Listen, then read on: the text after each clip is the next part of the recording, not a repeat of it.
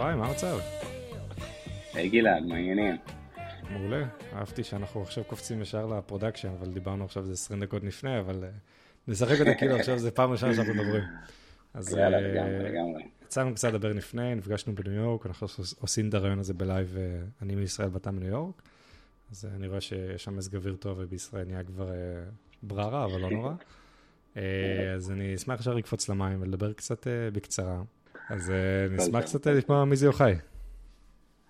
לגמרי. אז קודם כל תודה על האירוח. אה, אז אני יוחאי בן ישראל, אה, אני גר בניו יורק קצת מעל אה, שמונה וחצי שנים במנהטן. במקור אני מהצפון בישראל, גדלתי בקיבוץ בטלפה, ואז כפר תבור. אפילו הספקתי לעשות רילוקיישן בג'מייקה בגיל מאוד צעיר, שלוש עד שש. נשוי לליאור, יש לנו שלושה ילדים מקסימים. ועובד ב LivePerson, קצת מעל 15 וחצי שנה, אה, אני מנהל את ה enterprise sales. אה, לא תמצא אותי קופץ ממטוס או עושה בנג'י, אני לא מהאקסטרימים. בגלגול אחר, כמו שאמרנו. בגלגול אחר. אה, אתה יודע, אני אוהב את הזמן עם המשפחה, נטפליקס, לקרוא, לעשות הרבה ספורט. כן, זה ככה עליי בגדול. מדהים, אז uh, אמרת LivePerson, רואים את זה גם ב tag של הפרק, אבל מה זה בקצרה, אם תוכל כזה לתת לנו את ה pitch כן, של החברה. לגמרי, אז קודם כל LivePerson קצת מבחינת דאטה, אנחנו קצת מעל 20 שנה ציבוריים, עושים בערך uh, מעל חצי מיליארד דולר בהכנסות שנתיות, 18 אלף לקוחות. בגדול מה ש LivePerson עושה היא בעצם מאפשרת לצרכנים לתקשר, בין אם זה החברת תעופה שלהם, הבנק או כל חברה אחרת, דרך messaging ו-AI. אמ, ב scale מאוד גדול, אז היום אם אתה צריך לשנות את הטיסה שלך עם דלתא או עם יונייטד, או שאתה רוצה לדבר עם החברת telco שלך, אתה בעצם עושה את זה דרכנו ב messaging ועם אוטומציה. וב backend כל הנציגים של החברות האלה משתמשים בפלטפורמה שלנו. אנחנו מנטרים בערך מעל מיליארד שיחות בשנה, אז אנחנו יושבים על המון דאטה. אמ, במקור התחלנו כצ'אט, הרבה, הרבה זוכרים אותנו כחברת הצ'אט, אבל עשינו איזה pivot מאוד גדול ב-2016. וזהו, זהו ככה בגדול, משרדים בכל העולם כזה, אבל עדיין הרבה רימוט מאז uh, תקופת הקורונה. אתה אומר יש יתרונות ויש חסרונות, זה כל דבר בסיפור הזה. אז אה, מגניב, אז אני אשמח ישר כזה לקפוץ ל... לבשר של הפרק, ואז משם כזה נזרום לטאטא שאלות אה, אחרות. בטח. אז בואו כזה נתחיל קודם כל באיך נראה עולם המכירות של B2B. כאילו, אתה יודע, לא עכשיו אה, סטארט-אפ קטן של שלושה אנשים, אלא איך עכשיו נראה מכירה לענקית, אה, אה, AT&T או Coinbase או כל דבר כזה או אחר. כן, לגמרי. אז תראה, קודם כל אני חושב שמה שמעניין היום זה שבעצם לפני שאנחנו מדברים עם buyer, 60% מהחלטת קנייה, ה buyer כבר עושה לפני שהוא מדבר איתנו, הקונה הפוטנציאלי. הוא הולך, הוא עושה מחקר, הוא קורא על הלקוחות שלנו, של מתחרים, בעצם בפועל הוא אה, משקיע רק 17% עם ספקים פוטנציאליים. אז מתוך ה-17% הזה, תחשוב על האיש מכירות היום ב-B2B, בערך יש לו רק 5% אה, זמן, מסך, מה שנקרא, מול, אה, מול הבייר. אז קודם כל, לנו, אנחנו שמים מאוד דגש על איך שאנחנו מוכרים, יותר חשוב ממה שאנחנו מוכרים, מבחינת האסטרטגיה, ואני יודע שאני אגע בזה עוד מעט ב, יותר ברמה הזאת. אבל בעצם זה מתחיל בשיחה הראשונית, בין אם אנחנו יוצרים את ה-cold calling או שהם באים אלינו. והאויב מספר אחד של אנשי מכירות היום בעצם זה אי החלטה ו-attention. אז אנחנו עובדים מאוד על איך אני בעצם מגיע לגלעד מההתחלה, איך how can I grab his attention, איך אני יכול לגרום לו לתשומת לב. אה, אז אנחנו מגיעים לזה דרך אה, loss aversion וכל מיני אסטרטגיות שניגע בהן, אבל מתחיל משיחה ראשונית, בעצם אנחנו באים ממקום של אוקיי, הנה הבעיה שאנחנו חושבים שיש לך והנה הפתרון שלנו. ואז זה בעצם עובר קצת למקום של דמו טכנולוגי, אמ, שיחות לגבי ה-outcomes שאנחנו יכולים uh, to, to, uh, to push for, ואז מגיע הצד הטכני, הרבה ולידציה של טכנולוגיה, אחרי זה מגיעים למישור היותר של security, חברות מאוד גדולות, תהליך security איתם לפעמים יכול לקחת שלושה ארבעה חודשים, uh, תהליך מאוד ארוך, מאוד מייגע, מאוד עמוק, אבל שם גם היתרון שלנו, שחברה שמתעסקת עם הלקוחות הכי גדולים, ובסוף מגיעים למשא ומתן, אה, שהוא תמיד האנדרנלין והחלק הכיפי. אה, אבל אני חושב שמבחינת איך זה נראה, אנחנו שמים המון המון המון דגש על החמישה אחוז הזה. בזמן אמת, בזום, ברגע הזה שאנחנו מול מישהו, אם אנחנו מפספסים את השיחה הראשונה, אז כנראה שלא תהיה שיחה שנייה. אה, בגלל זה אנחנו שמים המון דגש על ה-enablement, מה שנקרא הכשרת אנשי מכירות שלנו, איך שהם מוכרים, יותר חשוב ממה שאנחנו מוכרים. אז uh, התחלת ישר בהתחלה ואמרת כאילו, מדברים אותו בחור או בחורה, אבל איך מאתרים בכלל את הבן אדם שצריך לדבר איתו? ת, תתחיל איתי ממש מאפס. יש, אני איש מכירות ב LivePerson, אני יודע שאני רוצה למכור, בואו ניקח חברת סוכן AT&T, ניפול עליה לצורך הפודקאסט. כן. ומחר בוקר אני רוצה עכשיו למכור להם מוצר. מה, איפה אני מתחיל? מצוין. אז קודם כל זה, זה מתחיל במישור של הבייר פרסונה, כן? מה שנקרא, מי, מי הביירים שבדרך כלל אנחנו יודעים שיש לנו הצלחה איתם. איפה המוצר שלנו יכול לפתור בעיה.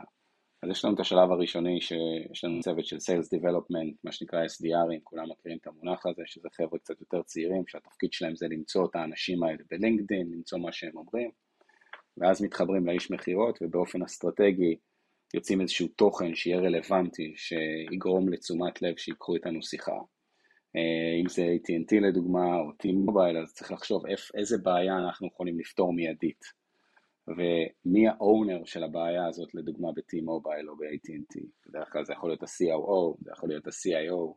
מי אנחנו יודעים שאם נגיד לו, אדוני CIO, אתה מדמם פה, אנחנו יכולים לעזור לך. אז אנחנו מאוד שמים פוקוס על ה...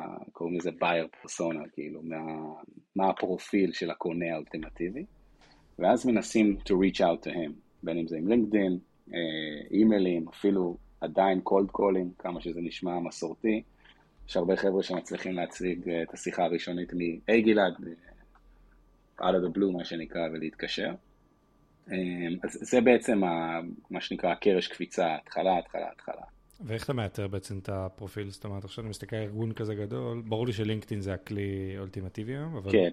ברמה קצת יותר טקטית, זאת אומרת, אתם מתחילים לבנות פרופיל של בן אדם, אתם מנסים לבנות כמה פרופילים ולהבין כאילו, בישיבה פנימית, כאילו שווה ללכת על הפרופיל הזה, על הפרופיל הזה, לעשות A-B test, כאילו איך כן. אתם... אה, מעולה.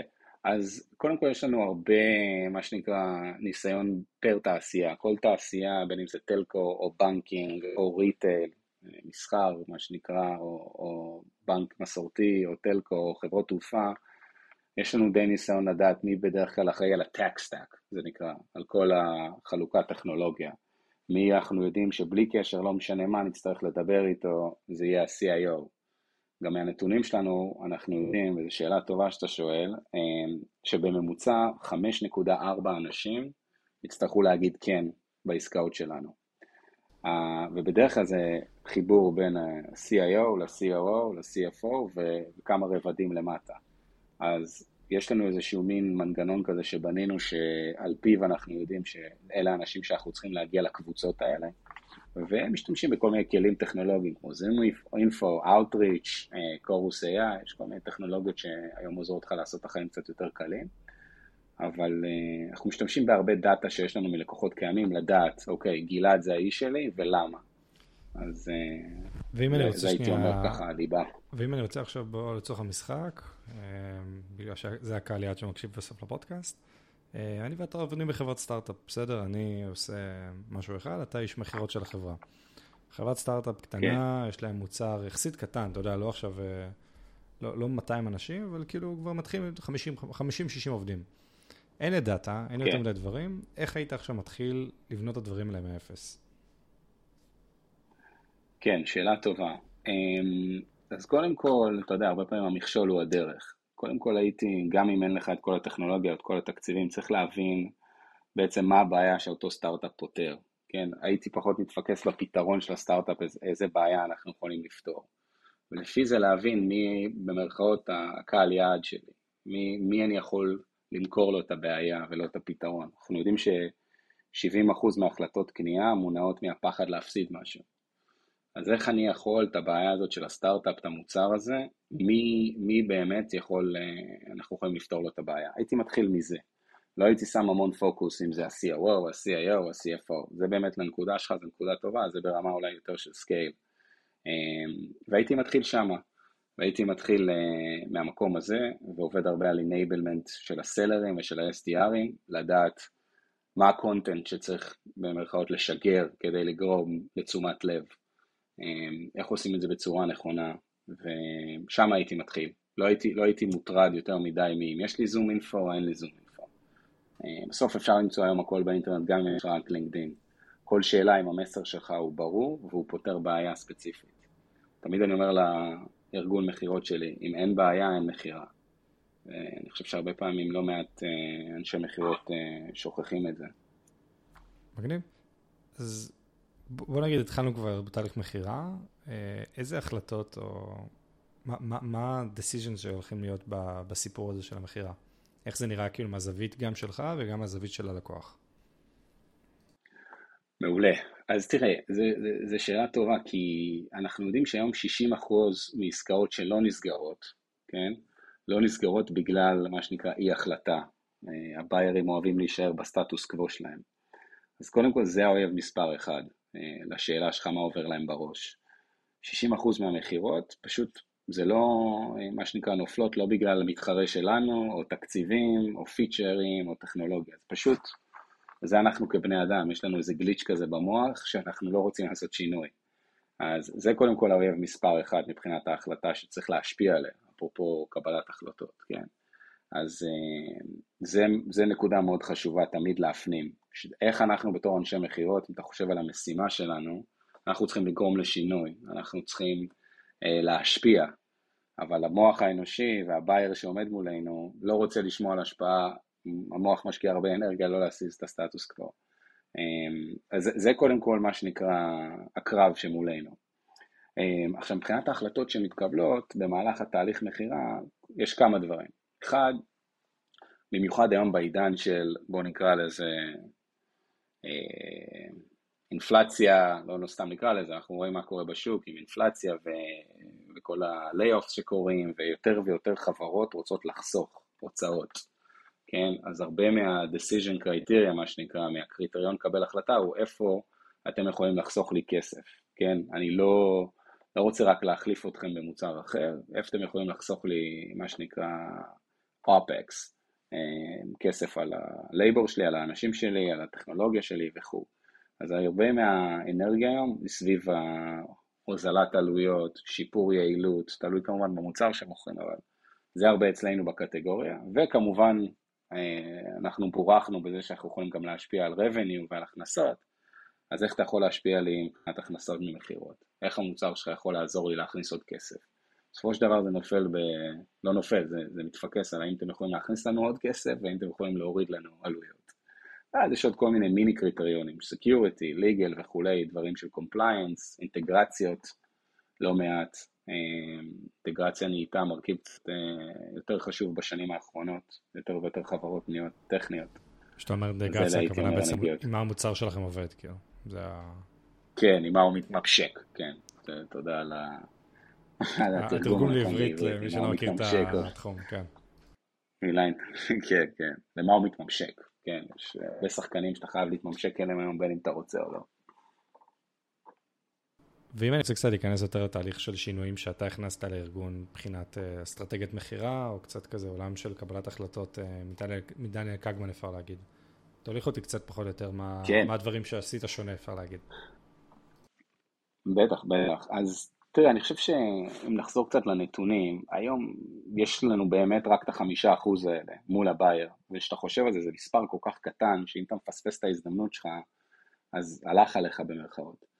ואחד הדברים אה, שדניאל קלמן ועמוס טרוורסקי כתבו בספר שלהם Thinking Fast and Slow ובמאמר שבזכותו הם זכו בפרס נובל, זה שעובדתית כאנשים, אה, השנאה שלנו להפסד היא יותר גדולה מהרווח, מה, מהרווח שאנחנו, מההנאה מהרווח, סליחה. דוגמה הכי בסיסית, נגיד אתה הולך ברחוב ומצאת שטר של 100 דולר, אתה אומר, אה, נחמד, יופי, 100 דולר. אבל אם במקרה נפל לך 100 דולר מהארנק, אז אתה מאוד עצבני ומבואס וכועס. וככה אותו דבר buyers מקבלים החלטות, וניגע עוד פעם בנתון הזה, 70% מהחלטות קנייה מונעות על הפחד מלהפסיד משהו. אז מה שאני מאוד הטמעתי בשנים האחרונות זה איך אני יכול לדבר בצורה הזאת מול buyers ולפקס את העובדה שאם הם לא יקנו LivePerson וכל יום שעובר הם, הם מפסידים 100 אלף דולר בהכנסות או כל יום שעובר והם לא live אז uh, הם לא רואים את החיסכון בעלויות שדיברנו, כן? אז זה קצת לעשות flip כי בתור איש מכירות אני גדלתי הרבה על או בוא נראה business case שמראה את הרווח, תראו כמה אתם יכולים לקבל אם תהיו LivePerson, שזה לא, לא משהו גרוע אבל עובדתית, מדעית, ככה לא המוח קונה. אז uh, אני חושב ששם פתאום נפל לי איזה אסימון לפני שנתיים שקראתי את הספר וגם בלימודים. אמרתי, רגע, משהו פה לא מסתדר לי. אנחנו אומרים לכולם, אה, בואו תקנו, תראו את הרווח.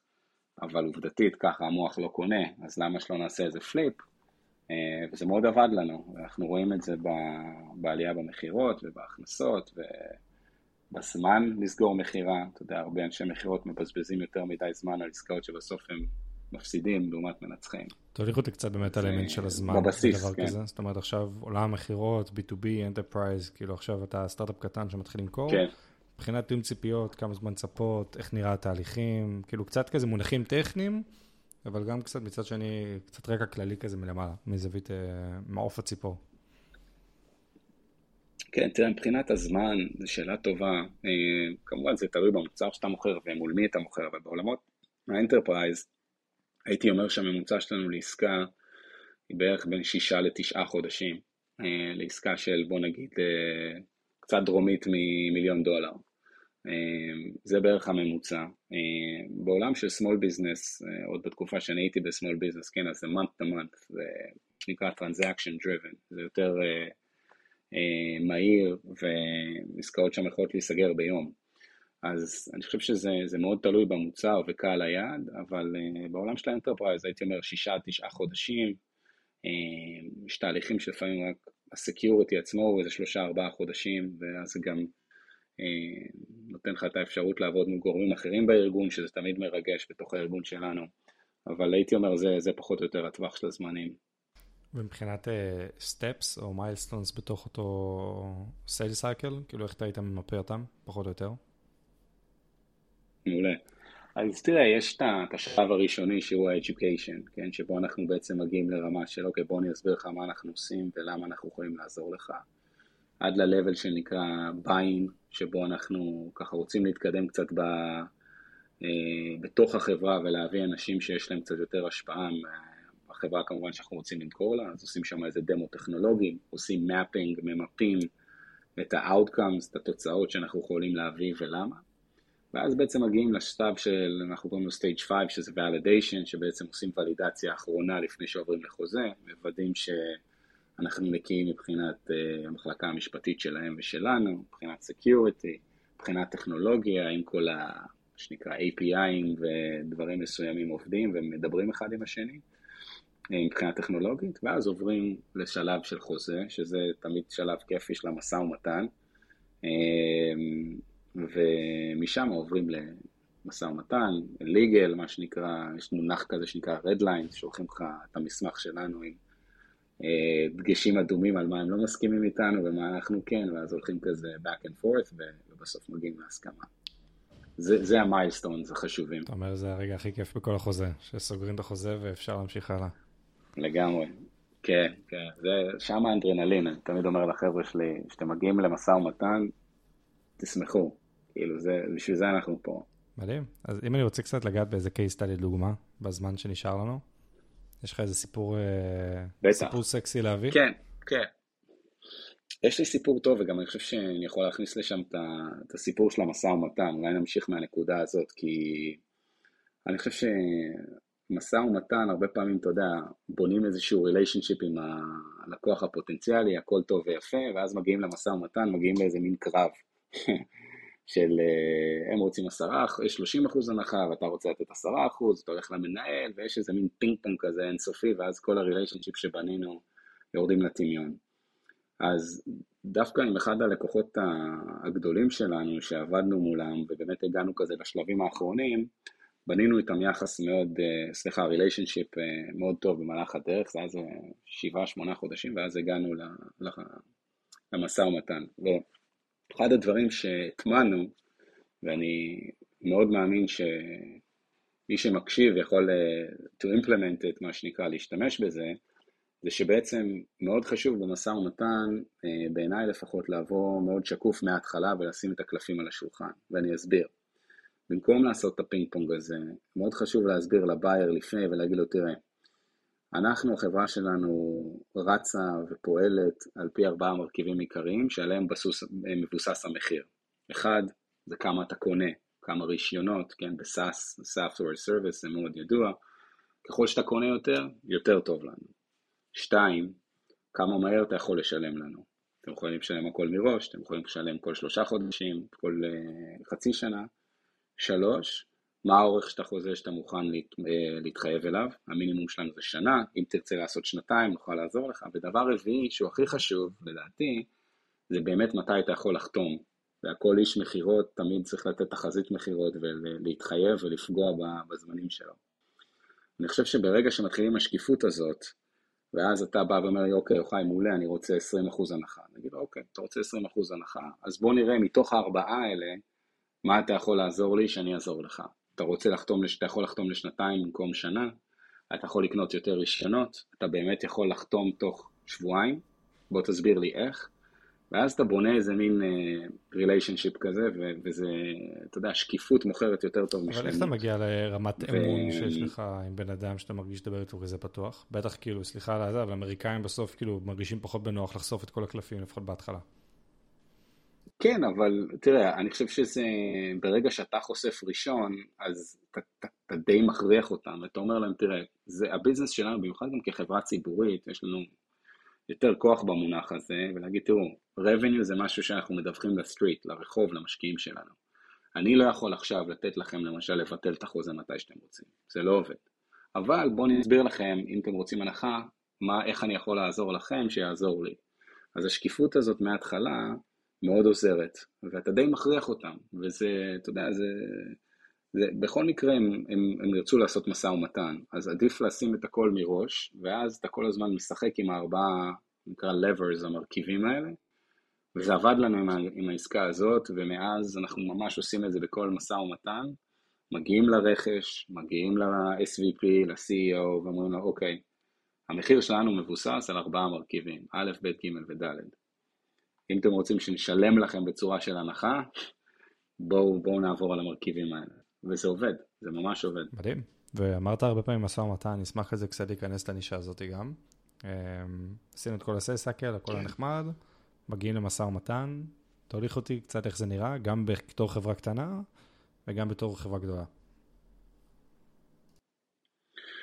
כן, אז תראה, אני חושב שמבחינת המשא ומתן, בדרך כלל זה מגיע לשני עולמות. אחד זה העולם, נקרא לזה המכירתי, כמה, כמה הם אה, רוצים לשלם, כמה אנחנו מוכנים שהם ישלמו, אז שם בעצם אה, יש לא מעט אה, שיחות על הכמות רישיונות שהם רוצים לקנות, ואז אם המחיר גבוה להם מדי, אז הם מתחילים להביא את ה... עוד פעם כזה ברגע האחרון את המתחרים וכולי, ואנחנו מאוד שקופים גם בלהגיד, תראו, המתחרה הזה עושה דברים מאוד טובים, אבל הסיבה שאתם פה היא בגלל הבעיה שדיברנו עליה, ואנחנו יכולים לפתור אותה, כן? אז תמיד גם במשא ומתן מגיעים החבר'ה שאומרים, אה, רגע, אבל המתחרים והמתחרים. אני מאוד מאמין בשקיפות, אני אף פעם לא אומר, אה, המתחרים האלה הם גרועים. להפך. הנתונים גם מראים שאנשים אוהבים יותר אה, שקיפות מאשר שלמות. אף אחד לא הולך למסעדה של חמישה כוכבים, כולם הולכים ל-4.8. כן, אז אה, גם במשא ומתן זה עדיף לעשות ככה, ולא להגיד שאנחנו מושלמים והמתחרים גרועים. 4.8, יפה. מחייב. זה הערה טובה, זה נכון. כן. כן, אף אחד לא הולך למסעדה של חמש. אמ, אז שם מגיע קצת סיפור, אתה יודע, back and forth כזה, ואני חושב שאיפה שגם עוד אה, מעניין זה בעולם המשפטי. גם אפילו עם סטארט-אפ קטן היום, או חברה גדולה, בעצם יש חוזה מבחינת תנאים, אה, מה שנקרא, אם אנחנו עושים breach לחוזה מבחינת אה, כל מיני סעיפים, איך אנחנו מתנהלים עם זה, והם רוצים שהם יקבלו פיצויים כאלה ואחרים, אז שם גם יש המון שיחות, הרבה פעמים זה מגיע למצב שאתה רואה שדווקא מי ש-drive the bus, מה שנקרא, מי שנוהג באוטובוס זה הרכש והמחלקה המשפטית, ואתה צריך שבעצם הביזנס ינהגו באוטובוס. אז זה מעניין, אתה צריך כזה, זה נקרא to back channel, אתה צריך לדבר עם הביזנס, להגיד להם, חבר'ה, אתם רוצים לסגור את העסקה, בואו תראו איך אתם משפיעים על החבר'ה שלכם. אז יש, יש מין דינמיקה מאוד מעניינת בסיפור. איך באמת עושים, כאילו, איך בונים את המצב שאתה מרגיש ב... מספיק בנוח להגיד בתוך הארגון, חבר'ה, מי שאני מדבר איתו לא יודע להזיז את הקלפים, תביא אותי ל-decision maker כן. האמיתי. כן, אז קודם כל זה מתחיל ב-SMS. אתה אומר SMS. אני צוחק, אבל אני תמיד אומר, לא, אני תמיד אומר שברגע שיוצרים קשר עם uh, מישהו שהוא המובילייזר שלך, אז יש מונח כזה, הצ'מפיון שלך שימכור בשבילך שאתה לא נמצא, צריך ליצור איתו קשר שתמיד הוא יהיה במרחק טקסט. ואז uh, מבחינה פרקטית זה מאוד עוזר, אני עושה טקסט לגילן, אני אומר, תשמע, ירדנו עכשיו משיחה במחלקה המשפטית, uh, אנחנו חייבים שהבוס שלך יעלה לשיחה הבאה, כי הם לא מבינים מה הם קונים. או הם מבקשים משהו שהוא בכלל לא הגיוני, שלא מתחבר לכל מה שעבדנו עליו עד עכשיו. אז אה, זה המון, אנחנו עושים את זה המון, ואיש מכירות טוב צריך להרגיש את זה מבחינת אינטליגנציה רגשית ומבחינת פוקוס, אה, ולעמוד על שלו ולהביא את האנשים שיעזרו. מגניב, אני אשמח כזה, אנחנו ממש מגיעים כזה לסוף, אה, לפני שאני אבקש ממך את הטיפ הקבוע שאני מבקש מכולם. שלושה טיפים לאנשי מכירות, אבל אני שם לך כוכבית. שבוא נכווין את זה לסטארט-אפים, כמו שאמרנו מקודם, אבל יותר ל founders, חבר'ה שמקימים חברה, זה ה baby שלהם, אבל הם אף פעם לא אנשי מכירות. הם לא מכירים את הרקע, וכזה משהו שהם צריכים להיכנס לנעליים, שבסוף אין להם עדיין איש מכירות בחברה. לגמרי. אז איך, איך היית מכווין אותם כזה? איפה גם ללמוד כן. מכירות, ומה הדברים כן. שאתה רואה ששווה ללמוד? כן, לגמרי. אז קודם כל אני חושב שזה, דווקא שאין להם מכירות, זה לא בהכרח חיסרון, זה דווקא יתרון.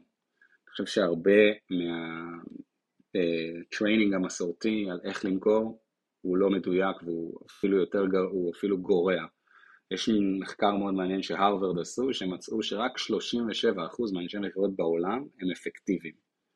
ולא רק זה, ה-63% האחרים גרמו למי שהם דיברו איתם לא לקנות יותר. אז, אז גם founders שנכנסים לעולם זה בסדר, כאילו להפך, הם באים ממקום שאתם יכולים רק לעשות טוב. אז קודם כל הייתי נוגע בנקודה הזאת, ובאמת להתפקס בבעיה, לא למכור פתרון, ככה המוח קונה,